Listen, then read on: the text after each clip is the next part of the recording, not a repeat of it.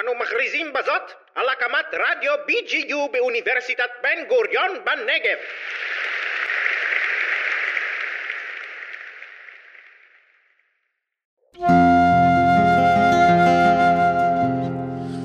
מדברים ספרות, פודקאסט עם מיטב הסופרים הישראליים על ספרים, ספרות ומה שביניהם.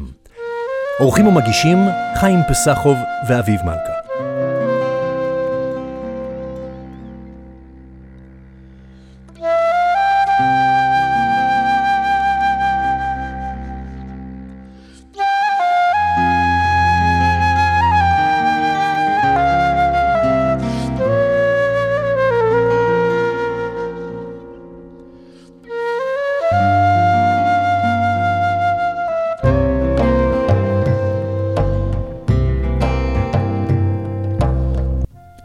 שלום לכל המאזינים של מדברים ספרות.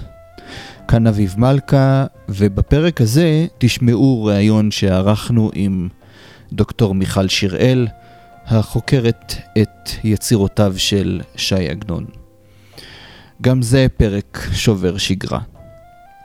כי הוא לא עוסק בספר אחד ולא בסיפור אחד מתוך קובץ סיפורים, אלא בשלושה סיפורים שעגנון כתב, והם תהילה, הרופא וגרושתו, והאדונית והרוכל.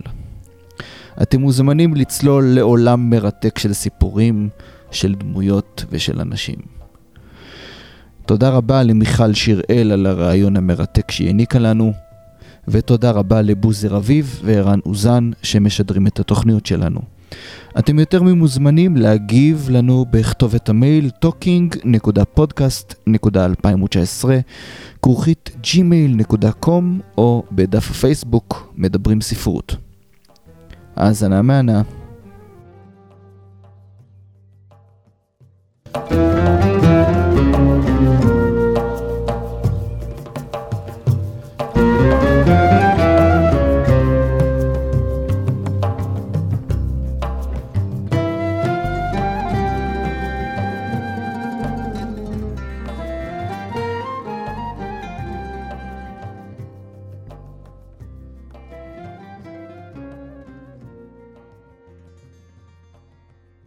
שלום דוקטור מיכל שיראל. שלום וערב טוב. מה שלומך? אני אה, בסדר גמור, אפילו טוב מאוד בימים אלה, כיוון שאני אה, אה, מובילה את הקתדרה ללימודי עגנון, ויש הרבה מאוד פעילות בזום, ולהפתעתי הרבה, מכל רחבי הארץ מתקבצ... מתקבצים אנשים ללמוד את עגנון, ויש הרבה מאוד אהבה לעגנון.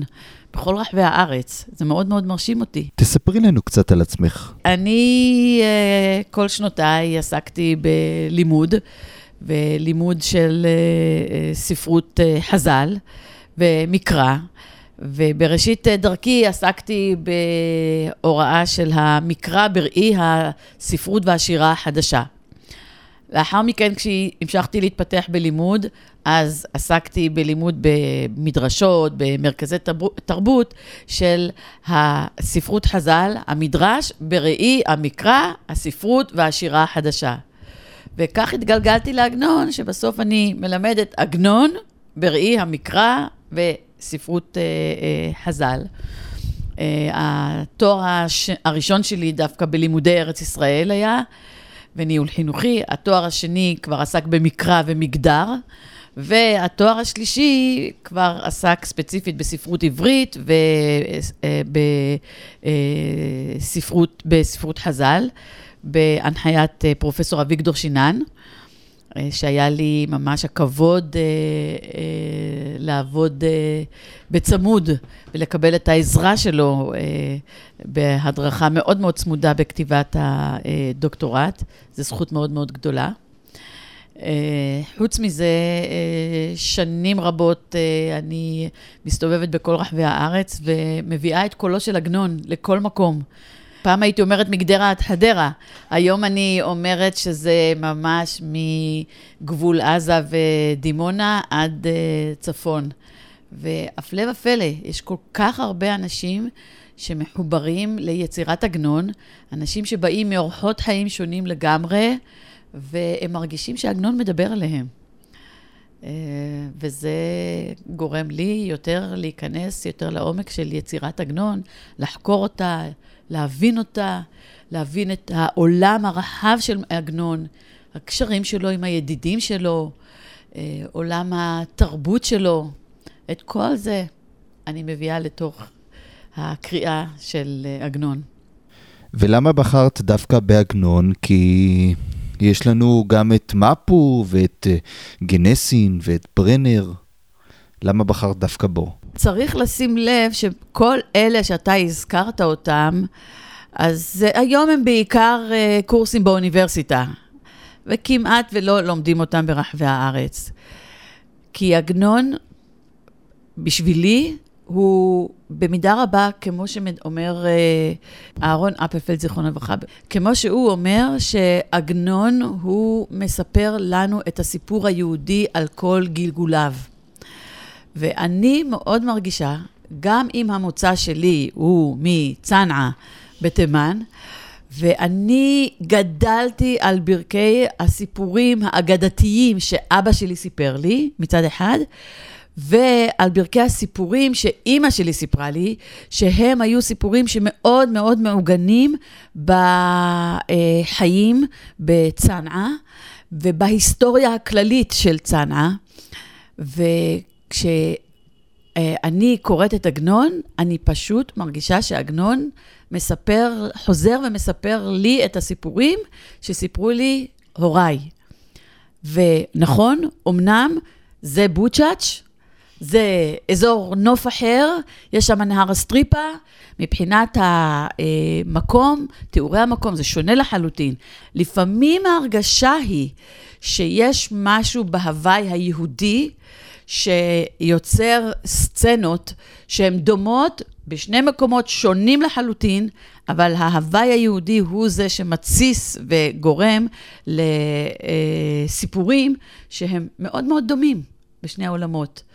ולכן כשאני פגשתי את עגנון והתחלתי לרדת לתוכו פנימה, הרגשתי שבאמת הוא מספר סיפור יהודי גדול, גדול ורחב. נדבר עכשיו על uh, תהילה. לגבי תהילה, האם דמות המספר היא דמות נפרדת, או שזו דמות שהולכת איתנו לעוד סיפורים? אה, דמותו של המספר אה, היא דמות מאוד מאוד מעניינת. היא מופיעה בעוד כמה וכמה סיפורים, ושם אנחנו רואים, כמו בתהילה, שאנשים פותחים את ליבם לפני המספר שהוא סופר. אה, יש קולות מסוימים שנשמעים בסיפור שלנו מפיו של המספר, שאנחנו יכולים לזהות בהם את המחבר שלנו. יש מקומות כאלה. אבל ככלל אני יכולה לומר שהמספר שלנו בסיפור הזה מופיע, לדוגמה, באורח נטל אלון, ויש שם את המספר שהוא חוזר לבוצ'אץ' מארץ ישראל, ואנשים פותחים לפניו את מסתרי ליבם ומספרים להם דברים שהם לא יספרו לאף אחד אחר. יש משהו במספר העגנוני, יש לו יכולת הקשבה כזאת, וגם יכולת של אה, אה, אמפתיה. והיעדר שיפוטיות באופן שגורם לבני אדם לספר את סיפור חייהם למספר. זה אה, נמצא שם, וזה נמצא בסיפורים נוספים, שאנחנו מוצאים את המספר, שהוא מצליח לדלות את החיים הנסתרים של הגיבורים שלו. מה שלא היה אה, ידוע לפני כן ולא סופר לפני כן, הוא זה ש... נמצא ומאפשר לבני אדם לפתוח את סגור ליבם לפניו. אה, מדוע לדמות המספר אין שם, והאם זה מופיע בעוד סיפורים, ואם כן, למה? הסיפורים של עגנון, יש בהם דבר מאוד מעניין, שאני לא חושבת שנמצא כדוגמתו בסדר גודל שכזה בסיפורים אחרים. ולמה אני מתכוונת? הפרטים הביוגרפיים של המחבר שנמצאים בתוך דמותו של המספר. וכשאנחנו קוראים את הסיפור, זה כמעט, כמעט כביכול ברור שהמספר שלנו הוא עגנון. אבל כשאנחנו נכנסים לבפנים ואנחנו רואים שהמספר הזה, יש לו אה, אה, ריבוי פנים וריבוי משמעויות, אז אנחנו מבינים שזה לא יכול להיות עגנון, אלא מה שבאמצעות המספר שלנו, עגנון גם מכניס את הפרטים הביוגרפיים שלו באופן שגורם לנו ממש להרגיש שאנחנו נמצאים ביחד עם המחבר ויש, ומתפתחת בתוכנו הזדהות מאוד מאוד עמוקה. אנחנו בעצמנו נכנסים לתוך הסיפור ומלווים את המספר. אבל בתוך הסיפור עצמו, ברוב המקומות, לא בכולם, לדוגמה, בספר, בחנותו של מר לובלין, פתאום באיזושהי פינה נסתרת שמה, הוא פתאום מכניס את השם עגנון, כן? פתאום. אבל אתה בקלות יכול לפספס את זה, ולא להרגיש בכלל שהוא הכניס את, ה, אה, את השם, כן? מה, אז יכול להיות, אז יכול להיות שחלק מהסיפורים שעגנון כתב בעצם קראו לו עצמו? ללא ספק. הסיפורים שלו הרוגים גם מחוויות פרטיות שלו עצמו, כן? גם מחוויות, זאת אומרת חוויות אישיות שלו, לדוגמה, אם אתה, אנחנו מדברים על תהילה. תהילה נכתב ב-1950, והספר, הסיפור תהילה, כל כולו, הזמן של ההתרחשות, תקופת המנדט הבריטי. ואנחנו מסתובבים שמה בתוך העיר העתיקה, נכון? אתם יכולים להבין ש... ואז ש... אה, אה, אה, הוא שואל את תהילה, וכי נחלת שבעה היא לא חלק מירושלים? ואז אתה מבין מה, שאחד ההיבטים של הסיפור הזה, זה אחד המקומות המאוד כואבים אצל הסופר שלנו. הפרידה מירושלים העתיקה, הניתוק מירושלים. זה היה קשה מאוד לעגנון. הגעגועים שלו לעיר הזאת שהוא הסתובב בה והלך אליה ברגל מהבית שלו. מגג ביתו הוא היה צופה אל הר הבית, כן? ופתאום הוא מנגד תראה את ירושלים ואליה לא תבוא. ואז הוא שואל בשאלה שלו, אה, אה, וכי נחלת שבעה אינה חלק מירושלים, הוא שואל את אחת השאלות המאוד מאוד יסודיות, והיא, מה טיבן של כל השכונות החדשות שנבנו בירושלים, שבעצם הרי לכתחילה הן יונקות את קדושתם ואת חשיבותם ממי? מהעיר העתיקה. ואם העיר העתיקה עכשיו לא בידינו, אז מה המשמעות של כל המקומות האלה? בתהילה יש את המרכיב הזה של אה, כאב מאוד מאוד גדול על נפילת העיר, ביטוי לגעגועים האדירים של עגנון אל העיר הזאת, ושאלת השאלות שהוא יחזור אליה אחר כך ב-1960 בסיפור לפנים מן החומה.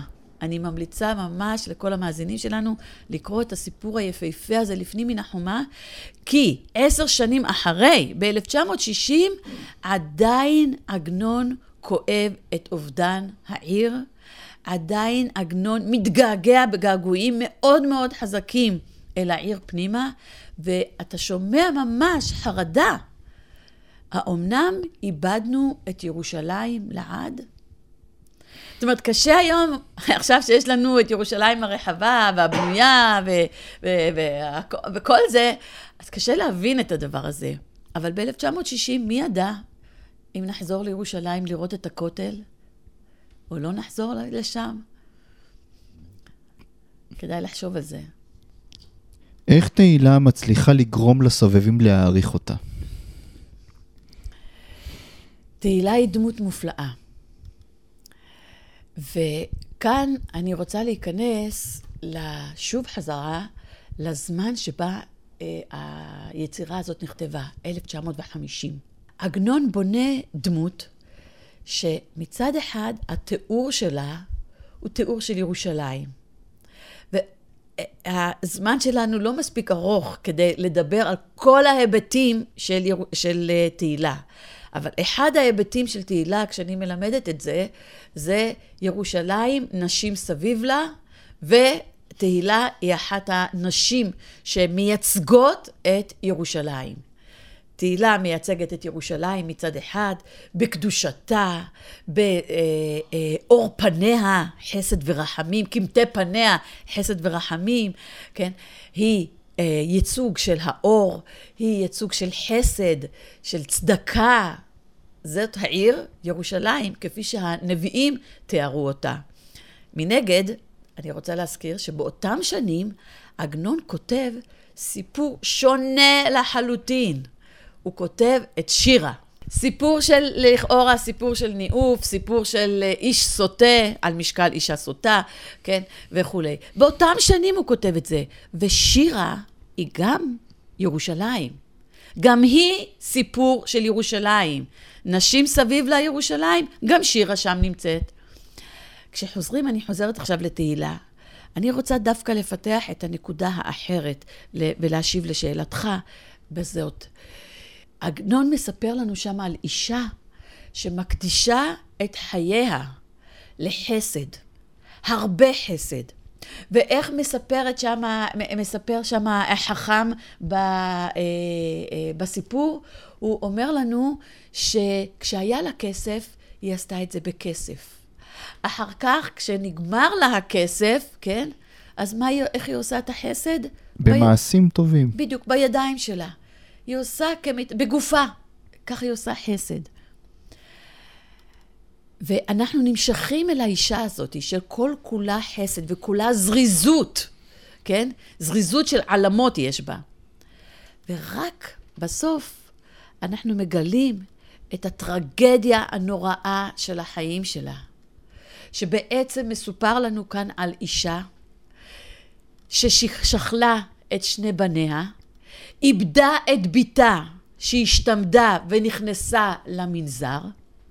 אחרי ששני בניה מתו, בעלה יוצא לחפש את מה, וכאן אנחנו הולכים ברוורס, לטרגדיה, לשורש הטרגדיה שלה. בעלה הולך לחפש את אותו בחור שאביה הרס אותה לו כשהיא הייתה בגיל בת מצווה, ואביה שבר את האירוסין האלה. מדוע? כי התברר שהבחור הזה, שהיה בסך הכל בגיל בר מצווה, הוא היה חסיד. הוא היה חסיד. בדיוק, כן?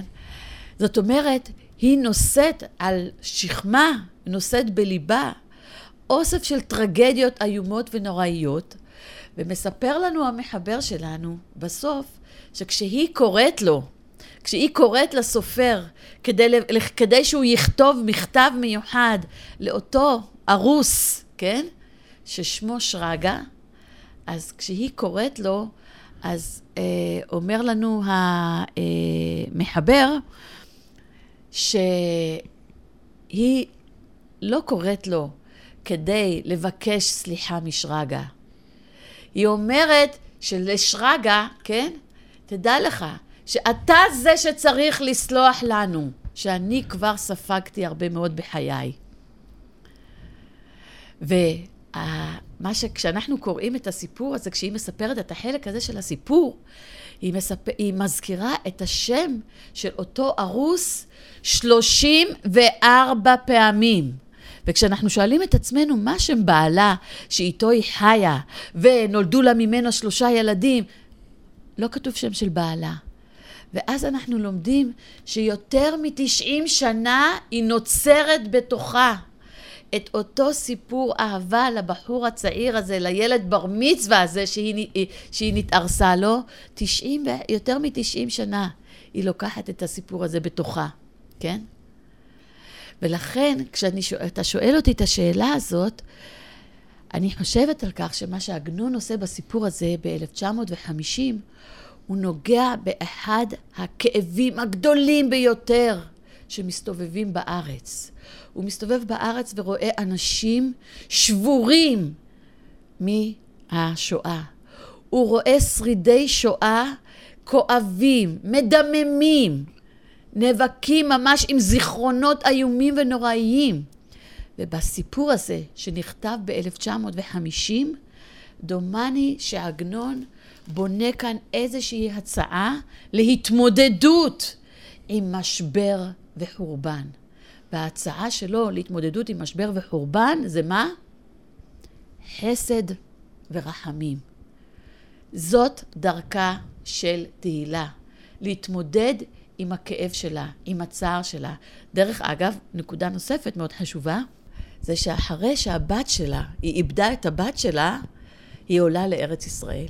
זאת אומרת, כל הצרות באו עליה כשהיא הייתה בחוץ על הארץ, ורק כאשר היא מאבדת את הבת שלה, אז היא מחפשת משמעות חדשה לחיים שלה.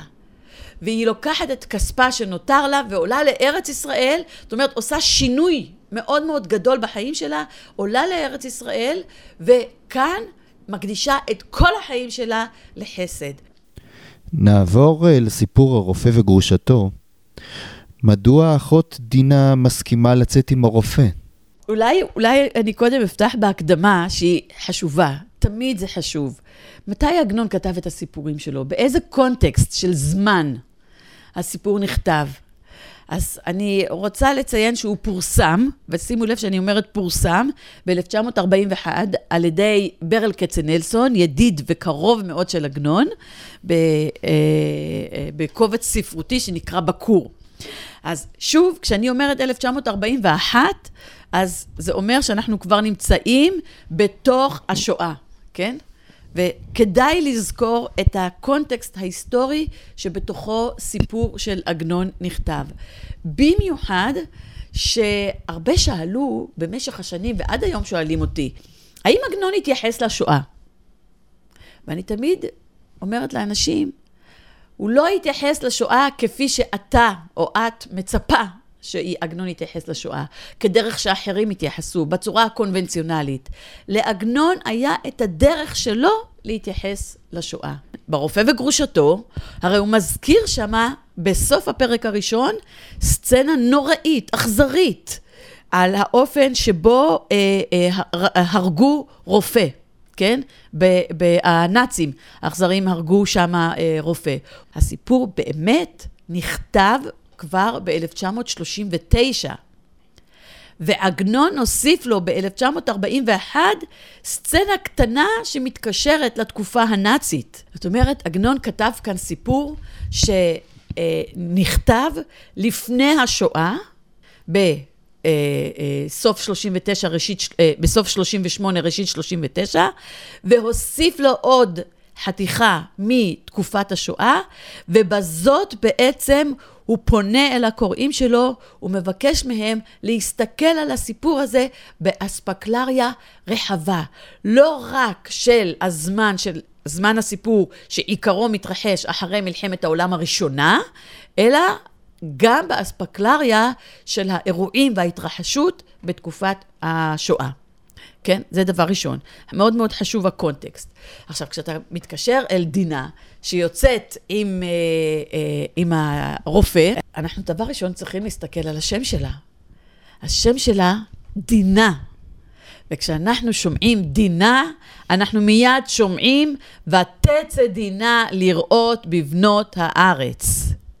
וכולנו יודעים מה קרה לדינה שיצאה לראות בבנות הארץ. היציאה הזאת הסתיימה באונס, וזה איום אה, אה, ונורא. אז הנה, היא יוצאת. גם דינה שלנו פה יוצאת.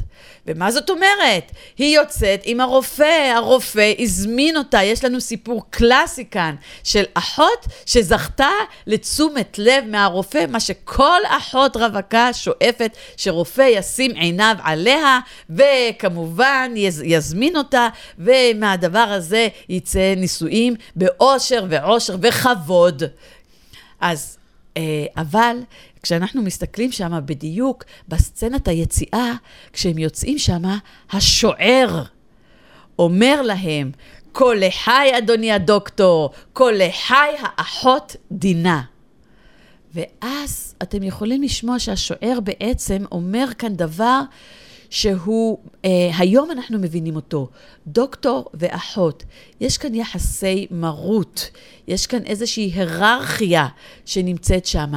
ובעצם כשהעגנון שם את זה בדיוק בר, על ב, דברים שנשמעים מפי השוער, זאת אומרת, ברגע הזה, שהוא הרגע האחרון שאפשר למנוע את המחיר הכבד שדינה תשלם אחר כך בגלל זה שהיא יוצאת עם, שוער, עם uh, דוקטור, uh, הדוקטור הרופא. ולרופא, מה השם שלו? אין לו שם. למה עגנון מונע מאיתנו את שמו של הרופא? עגנון גזר את הסיפור הזה מתוך הספר אורח נטל אלון, שעגנון פרסם אותו בהתחלה כפרקים, הפרקים שלו התפרסמו כל יום כסיפור בהמשכים, כן? ובסוף הוא הוציא אותו כספר שיצא בספטמבר 1939. בלי הפרק שלנו. באלף, הספר הזה, אורח נטל אלון, הוא הספר שמספר ומתאר את הידלדלותה של בוצ'אץ', את התפוררותה, את התנבלותה בעקבות מלחמת העולם הראשונה. ובעצם הסיפור הזה, מי שקורא אותו ולא יודע את הזמן שבו הוא נכתב, הסצנות שמה ממש מזכירות לנו סצנות שאנחנו מכירים אותן מסיפורי שואה. מסיפ... מעדויות של ניצולי שואה. זה מה שיש שם בתוך הספר הזה. ודומה שעגנון ממש ניבא את השואה על כל פרטיה ודקדוקיה. אבל הוא פרסם את זה, שוב אני אומרת, בספטמבר 1939. ושם, הוא גזר משם את הסיפור שלנו, שמר אותו במשך שנתיים, פרסם אותו ב-1941 בנפרד, ושם אותו בכרך על כפות המנעול כסיפור, ו- ושם אותו שם כסיפור סוגר של הכרך הזה, שמספר לנו סיפורי אהבים. השם של, הסופ... של הרופא שלנו נשאר בתוך הכרך אורח נטע ללון. מה מציק לרופא בכל שנות הניסויים שלו לדינה, ולמה היא מסכימה להישאר איתו? הרופא שלנו מגלה סמוך לחופתו שדברים היו לה עם אחר. היא עצמה אומרת לו, דברים היו לי עם אחר. זאת אומרת, והיא מגלה לו את זה אחר כך בהמשך, שפעם אחת מישהו כפה עצמו עליה, והיא איכשהו נשמעה לו. ועגנון מתאר כאן את המקום העדין הזה של כפייה והסכמה, שזה מקום מאוד מאוד לא פשוט מבחינה משפטית לברר אותו במקרים של פגיעה ואונס, כן? והאיש הזה, ברגע שהוא שומע את הדבר הזה, הוא חושב שהוא יכול להכיל את זה, ולכן הוא מתחתן איתה. אבל כבר תחת החופה, משהו מתחיל לתסוס בתוכו פנימה. ועדיין הוא לא מודע לדבר הזה, הוא לא יודע מה זה. אבל מיד אחרי החתונה, בלילה הראשון שהם הולכים לירח דבש, בפונדק, בצימר, שם כבר הוא מתחיל, מתחילה הקנאה לפעפע בתוכו, ובמשך שלוש שנים הוא משתגע, כיוון שאותה אותה דמות שהוא מצייר לעצמו בדמיונו, את אותו איש שהיא הייתה איתו, הדמות הזאת היא הולכת וממלאה את החלל של ראשו, היא הופכת להיות חלק מהחיים שלהם בתוך הבית, וכל פעם שהוא מנשק לה, הוא מרגיש, איך הוא, איך אה, הוא אומר שמה? שמעתי נשיקת פיוסין שהוא, שם, שהוא נשק לה. כל פעם שהיא צוחקת, הוא מרגיש שהיא צוחקת בגלל אותו האיש. האדם הזה שהיה לפני כן, שהוא לא מכיר אותו בכלל, והיא רק סיפרה לו, והיא סיפרה לו שהיא כבר מזמן נפרדה והיא לא אהבה אותו בכלל. הדמות הזאת היא הופכת להיות חלק בלתי נפרד מהחיים שלהם בבית, והיא הולכת ומתפתחת ומתעצמת בתוך ליבו, הוא מאבד את השליטה והוא מציק לה. ובסופו של דבר הוא מחליא אותה. ומה שאנחנו רואים כאן, רופא שמרפא כל בוקר, הולך לבית החולים לרפא אנשים, בבית שלו הוא מחליא את אשתו, ובמקום שיהיה לנו כאן זוג שמח ומאושר, יש לנו כאן זוג שהחיים שלו הולכים ומידרדרים. היא מאחות יפה, זוהרת, מוצאת חן בעיני כל רואיה, אהובה על כל החולים, על כל האחיות, אפילו על האחות הראשית, אפילו על הרופאים היא, היא אהובה.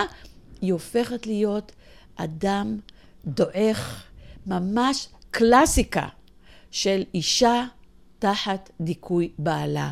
וכשאתה שואל אותי למה היא לא עזבה, זה בדיוק הסיפור של נשים תחת דיכוי. הנשים האלה מתקשות מאוד לעזוב את בן הזוג, כיוון שזאת מערכת מאוד מסובכת של אהבה וקנאה. ונשים מספרות, נשים, אנחנו שמענו עדויות של נשים שהן מספרות בעצמן שהאיש כל הזמן מבטיח לתקן את דרכיו, להשתנות, ללכת לטיפול, ובסופו של דבר הדברים חוזרים על עצמם.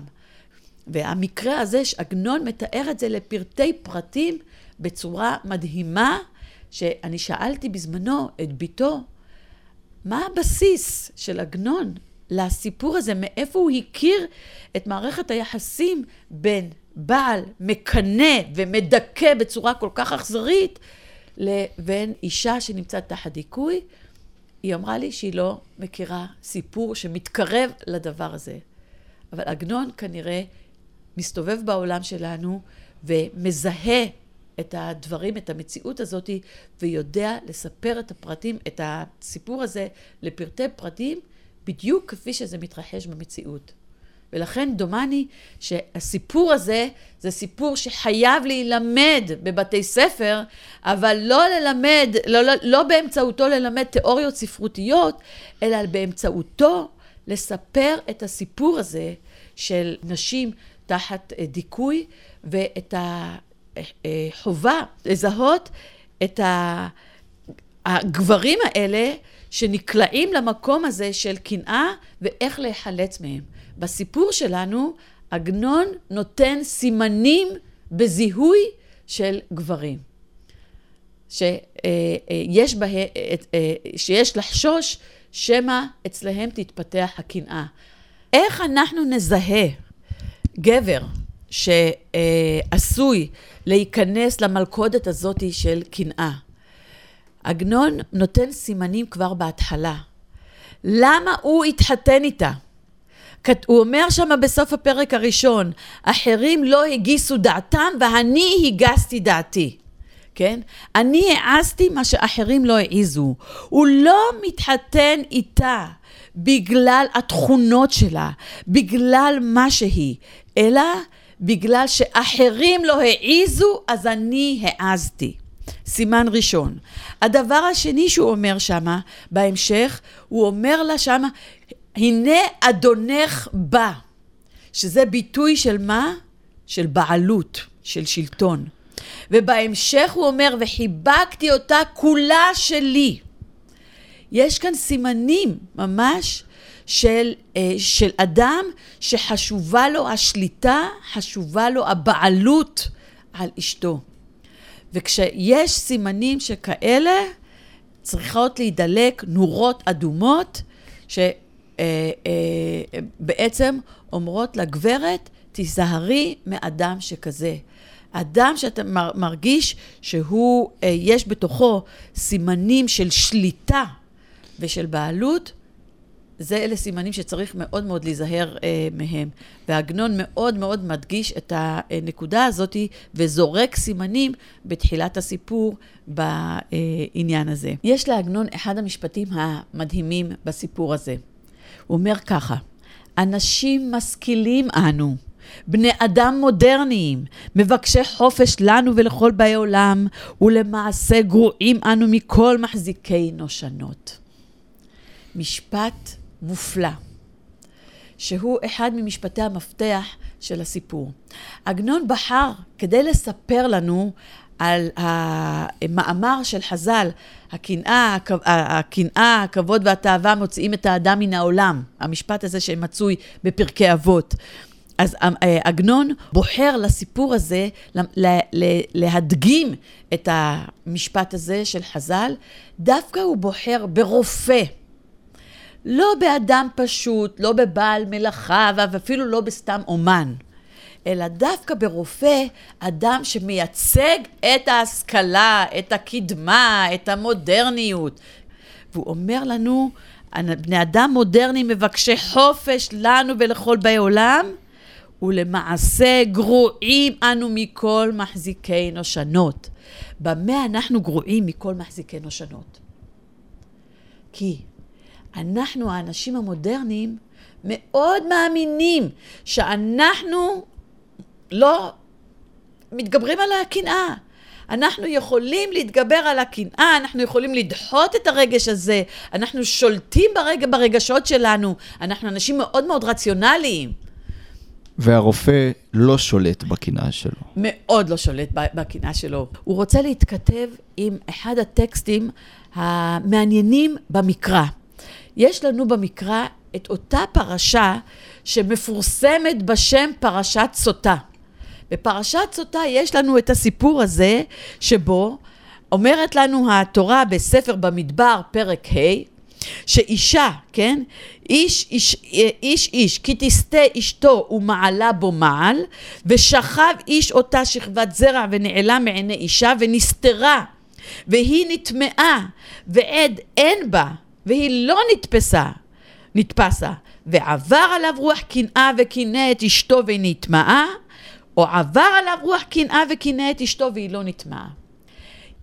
עגנון סיפר לנו סיפור של קנאה. מה זה קנאה? מה זה גבר מקנא? איך יש לנו כאן גבר שהורס את החיים של האישה, הורס את החיים שלו, פוגע בעצמו, פוגע באשתו, ובבוקר הולך לבית החולים לטפל בי ובך ובכל העולם, וכולנו מסתכלים עליו כאדם נורמטיבי לחלוטין. כאשר האיש הזה בעצם, על פי הגדרות בדרך כלל, כן, של אם אתה פוגע בעצמך או בזולתך, צריך לאשפז אותך. אבל לא מאשפזים. התורה נותנת לנו איזשהו ערוץ של חילוץ של האיש המקנא, מתוך המקום הזה של הקנאה, מעבירה אותו איזשהו תהליך מגי כדי לנסות ולשחרר אותו מהמקום הזה של קנאה. למה? כי בימינו אתם יכולים להגיע לגט, נכון? אם הוא לא רצח אותה, אז אפשר ללכת לרבנות ולעבור תהליך של, אה, של אה, גט, כן? להתגרש, והאישה מתחילה חיים חדשים, יפים וטובים, ומתחתנת עם, עם הבא בתור.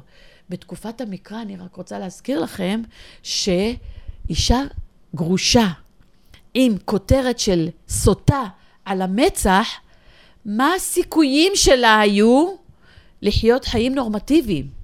לבית אביה היא לא יכולה לחזור, כיוון שמבחינה משפטית כלכלית היא לא שייכת לשם, ובעצם כל מה שנותר לה זה ללכת לשבת על אם הדרך ולפרנס את עצמה משם, מהמקום הזה. זה בזמן התורה. אז לכן, אם אני מסכמת את הדבר, ברובד הבסיסי הראשוני של הסיפור, יש לנו כאן סיפור פסיכולוגי דבר ראשון, שמתאר לנו את ה, מה שקורה מאחורי הדלת הסגורה של חייהם של רופא והאחות הזאת, דבר ראשון.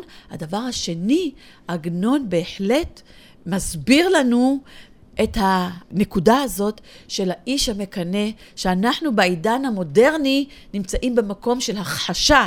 מה שעשתה התורה, היא לא הכחישה את המקום הזה, אלא הנכיחה אותו, נתנה לו במה, ולא רק זה, ניסתה להתמודד עם זה בכלים של אותם הימים, לאפשר לנשים באותם הימים להמשיך לחיות עם הבן זוג שלהם, עם הבן זוג, לנסות לרפא את הבן זוג, לחיות עם הבן זוג הזה. נכון, זה לא קל, זה לא חיים פשוטים עם בן זוג אובססיבי שכזה, אבל בתוך הקונסטלציה התרבותית של אותם הימים, התורה בהחלט נותנת איזשהו פתרון לאישה במצב הזה. ונעבור עכשיו לאדונית והרוכל. והשאלה הראשונה היא, למה האדונית כל הזמן זועפת. האדונית, אה, אתה קורא לה אה, זועפת, אה, מעניין. אני דווקא לא ראיתי אותה זועפת, אני ראיתי אותה במצ... נמצאת כל הזמן במצב של תכנון של ה- האוכל, הסעודה הבאה, הקרובה שלה. תראה, האדונית הזאת בהחלט מייצגת בהחלט את הגוי, שדבר ראשון, מסתייג מיהודים, באופן נחרץ. ולא סתם עגנון פותח דווקא בפתיחה הזאת של הגוי, שברגע שהוא פוגש את היהודי, אני לא מעוניין בך, לא רוצה אותך, תלך מפה. דבר ראשון, בצורה מאוד מאוד ברורה ובוטה. וזה שוב מחזיר אותי לזמן שבו הסיפור הזה שלנו נכתב. הסיפור שלנו, עגנון כותב אותו, אני רוצה להזכיר לציבור, הוא כותב אותו ב-1943. 1943, אנחנו כבר נמצאים בשיא השואה. כבר אנחנו יודעים ששואת אירופה, יהודי אירופה, מתחוללת שם מעבר לים, ואנשי רוח עושים כאן כנס מאוד מאוד גדול על מנת לזעוק על מה שמתרחש שם מעבר לים. עגנון לא הולך לכנס הזה של אנשי הרוח, הוא נשאר בבית שלו, בתלפיות, בקומה השנייה, וממשיך לכתוב את הסיפורים שלו. ובסיפורים שלו הוא חודר לתוך הפנימיות שעל ה, של השואה. מה זאת אומרת של הפנימיות של השואה? הוא מנסה להבין על מה ולמה, איך הגענו למקום הזה, מה המשמעות ההיסטורית של מה שקורה עכשיו בימים אלה. וכשהוא פותח בסצנה הזאתי, שמתחילה ברוכל אחד יהודי היה מחזר בעיירות ובכפרים, כן? הוא מדגיש את המילה, אצל עגנון, המפתח בדרך כלל לסיפורים שלו נמצא בשורה הראשונה, במילים הראשונות, בפסקה הראשונה. והמפתח נמצא ברוכל אחד יהודי היה מחזר בעיירות ובכפרים. כי מה הוא רוצה כשהוא מסתובב בח... בעיירות וב... ובכפרים? הוא מוכר סחורה, הוא רוצה כסף. הוא רוצה, הוא מוכר סחורה, אבל כפי שאנחנו רואים, לא רק למכור, כי אחר כך בהמשך מתברר לנו, אין לו אישה, אין לו ילדים. מה זאת אומרת אין לו אישה ואין לו ילדים? אין לו שורשים, אין לו חיבור, אין לו מחויבות, אין לו אחריות, הוא לא צריך לחזור הביתה למישהו שמחכה לו, כן? אלא הוא מוכן בעצם להשתקע בכל מקום שהוא יגיע אליו ושיהיה לו טוב. ובהזדמנות הראשונה שיש לו, אכן אנחנו רואים, הוא משתקע אצל הגברת הזאתי. מדוע היא מסכימה שהוא ישתקע אצלה? אוקיי, הוא משתקע אצלה כיוון ש... היא מסתכלת על היהודי הזה, וכבר בתוכה מתבשלת תוכנית. כשעגנון מדבר על הרוכל הזה שמסתובב כאן בתוך העיירות ובכפרים, אז אני רוצה להזכיר שעגנון נוגע כאן בסוגיה מאוד גדולה. שהוא פגש אותה כאשר הוא שהה בגרמניה בשנים, בסוף 1912 עד סוף 1924. 12 שנה עגנון שהה בגרמניה, ומה שהוא פגש שמה, הוא פגש את יהדות גרמניה שמבקשת להתערות בתוך העולם הגרמני, להיות חלק בלתי נפרד ממנו, ואיך הוא אומר שמה בסיפור בחנותו של מר לובלין, היהודים הגרמנים, מהגרמניות היה בהם הרבה, מהיהדות היה בהם מעט מאוד. הנקודה הזאת שיש לנו כאן בתוך הסיפור הזה, זה את הרוכל היהודי, שהוא בעצם מייצג גם, עכשיו אני מדגישה, גם את היהודים בסיפור הרופא וגרושתו שנמצאים בווינה, וגם את היהודים, תהילה ואבותיה, שנמצאים במזרח אירופה, הרוכל ה, אה, אה, היהודי הזה, הוא מייצג גם את המזרח וגם את המערב, שמסתובבים בעולם ומאוד מאוד משתוקקים שהאדונית הזאתי, כן, תקבל אותם אל חיקה הרך והטוב. והם מסרבים ל- ל- להכיר בסימנים שנמצאים בכל הבית. הבית מריח ריח של חיות, ריח של דם. הם מסרבים להכיר בסימנים האלה שמקיפים אותם. מדוע הרוכל ממשיך להישאר אצל האדונית בבית למרות התהיות והתמיהות שלו עליה? אתה אומר, למרות התהיות והתמיהות, אני אומרת הרבה יותר מזה. למה הוא נשאר אצלה? אחרי שכבר היא אומרת לו, בצורה כמעט ברורה ומאוד מאוד מפורשת, מה עלול לקרות לו. היא אומרת לו בצורה כמעט ברורה וגלויה, מה צפוי לו אם הוא יישאר אצלה. ולמרות כן, הוא מסרב, הוא לא רוצה לעזוב את הבית. עגנון מתאר כאן בצור, את הרוכל היהודי הזה, שכבר היא, או מסמנת אותו בתור יהודי. היא מגדירה אותו בתור יהודי, ואילו הוא לא מגדיר את עצמו בתור יהודי. יתרה מכך, היא שואלת אותו, היא שואלת אותו, אתה מאמין באלוהים? כן? וכשהיא שואלת, את ה, אה, אה, שואלת אותו, האם הוא מאמין באלוהים? הוא נאנח. היא מאוד מחוברת לדתה, ואילו הוא מאוד מאוד מנוכר לזהותו הדתית. הוא מנוכר לחלוטין לזהותו הלאומית. ורק בסוף, בסוף אנחנו שומעים, יוסף שכח שהוא אינו אלא אורח, והיה נוהג כדרכו. קשה מאוד, זה סיפור, אחד הסיפורים הקשים ביותר של עגנון. ואנחנו, אני, אפילו כל פעם שאני לומדת ומלמדת אותו, אני תוהה איך ב-1943 עגנון אומר דברים מאוד קשים על העולם היהודי. שכח שהוא אינו אלא אורח, והיה נוהג כדרכו. עגנון ירחיב את המשפט הזה לסיפורים גדולים בסיפור עד הנה, לדוגמה, הוא יתאר את, אה, אה, את היהודים יושבים ספונים במלחמת העולם הראשונה בבתיהם ושמחים לשלוח את בניהם להצטרף למלחמה. וגאים אפילו בכך שבניהם משרתים במלחמה. ואותו דבר בסיפור בחנותו של מר לובלין. את שני הסיפורים האלה עגנון כותב אחרי המלחמה, אחרי השואה. זאת אומרת שהסיפורים האלה, המשפטים האלה, נכתבים ממקום של ביקורת מאוד עמוקה על היהודים והאופן שבו תפסו את עצמם לפני השואה. אם הייתי מבקש ממך לסכם את השעה האחרונה שעברנו עם שלושת הסיפורים של עגנון, איך היית מסכמת אותה? אם אני מסכמת את uh, המסע שעשינו uh, בשעה האחרונה, uh, עברנו שלושה סיפורים שלכל אחד מהם יש היבט מיוחד, פנימי, תהילה עוסק בסיפור של ירושלים, הרופא וגרושתו, אמרנו עוסק בקנאה, והאדונית והרוכל עוסק בסיפור של יהודים בגלות.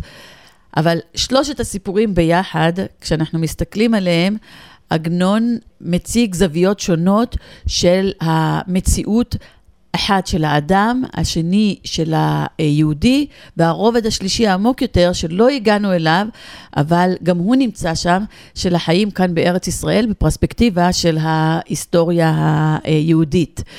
ואני הייתי רוצה לסיים בקטע קטן שנמצא בכתב יד של עגנון, שבתו מצאה אחרי מותו בחדר שלו, וה... הקטע הזה נכתב ב-1926, בתרפ"ו.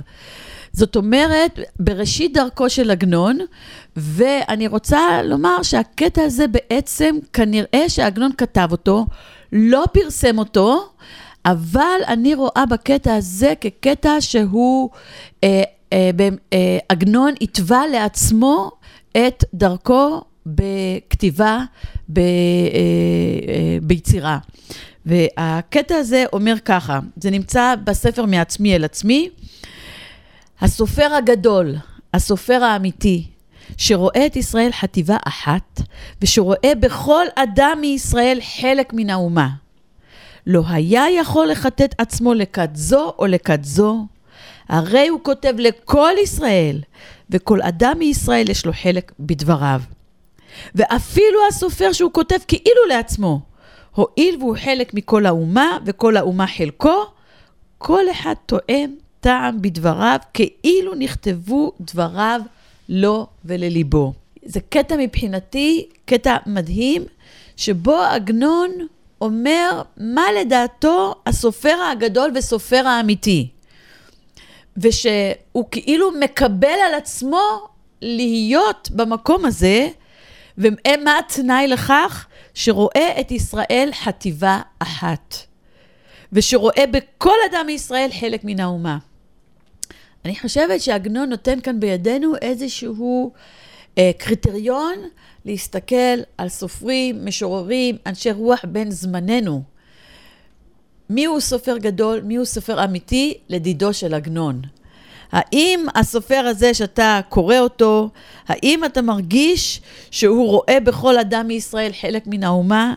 האם הוא רואה את כל ישראל חטיבה אחת? האם הוא, וזו הנקודה החשובה, האם אותו סופר מחטט את עצמו ואת הציבור לכת זו או לכת זו, ואתם שומעים, ועגנון כותב במקומות שונים שסופרים ואנשים שמסתובבים בעצם בעתם, בעת שלהם, מחטטים את ישראל לחטיבות חטיבות. סופר יכול להיות גורם שמאחד, סופר יכול להיות גורם שמפלג.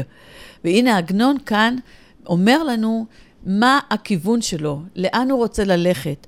הוא רוצה ביצירה שלו לא לגרום לפילוג, אלא רוצה יותר לגרום לחיבור, לחיבור, לחיבור בין עולמות, לגישור בין עולמות.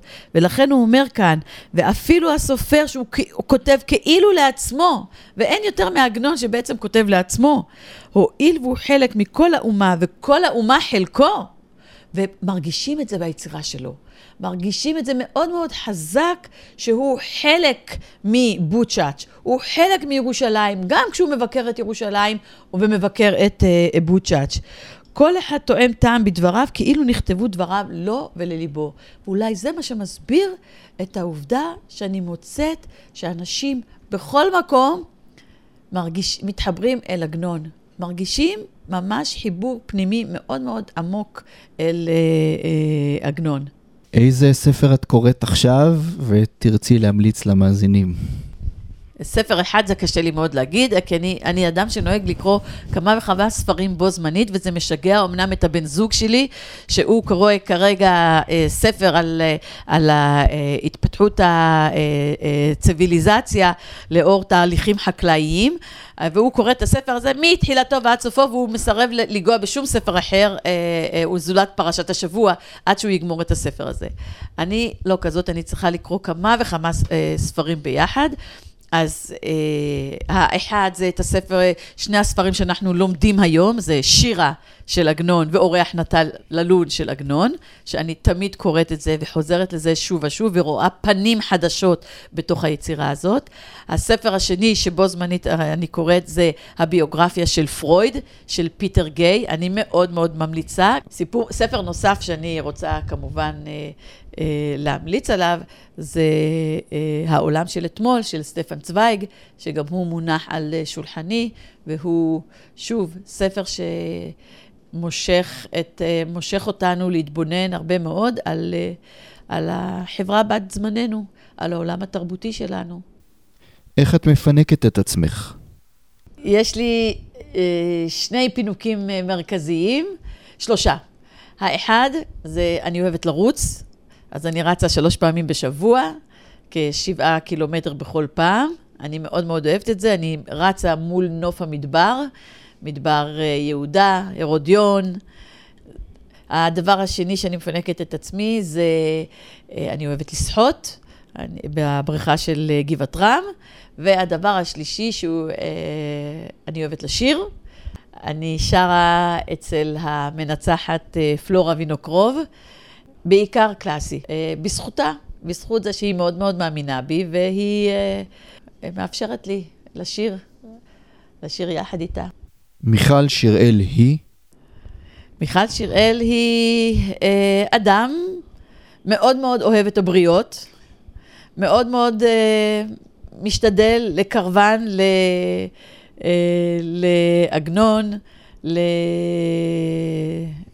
לספרות, למקרא, לספרות אה, חז"ל, לשירה שנובעת מתוך עומק התרבות היהודית לדורותיה. מה את מאחלת לעצמך? אני מאחלת לעצמי שהקתדרה ללימודי עגנון תלך ותתפרס בכל רחבי הארץ, כי אני מאוד מאוד uh, מאמינה בכך שלעגנון יש תפקיד היום יותר מאשר בעבר.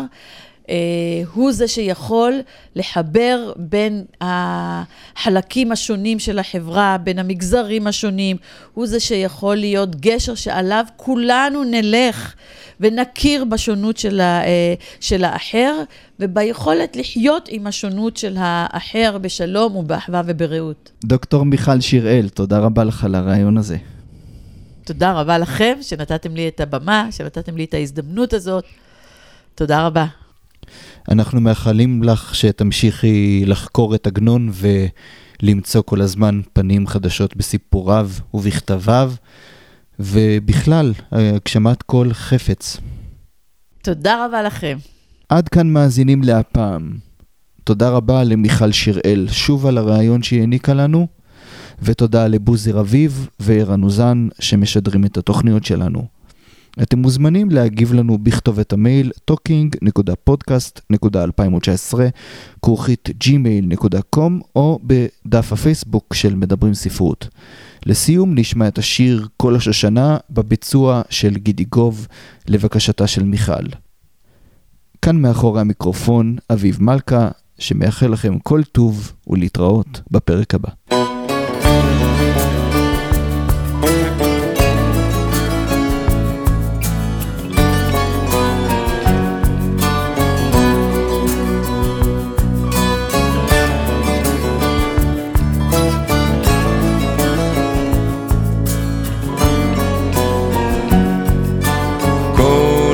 שושנה היא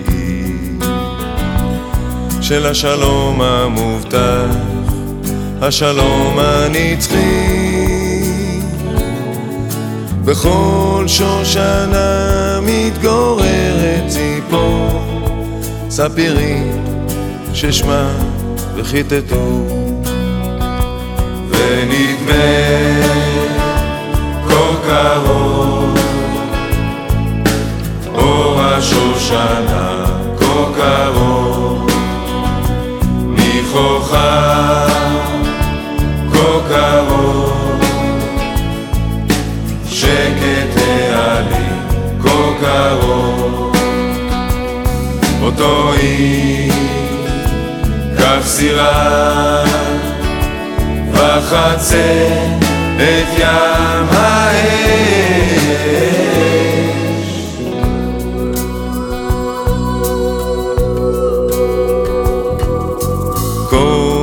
שושנה היא של השלום המובטח, השלום הנצחי. בכל שושנה מתגוררת ציפור, ספירים ששמה וכיתתו, ונדמה כה קרוב השושנה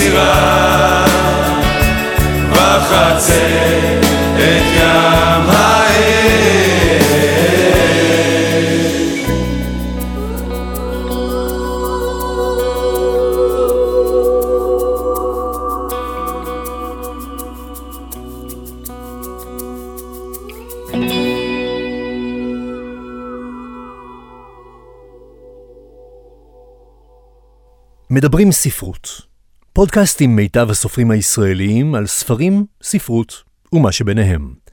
ערכו והגישו חיים פסחוב ואביב מלכה. אנו מכריזים בזאת על הקמת רדיו BGU באוניברסיטת בן גוריון בנגב.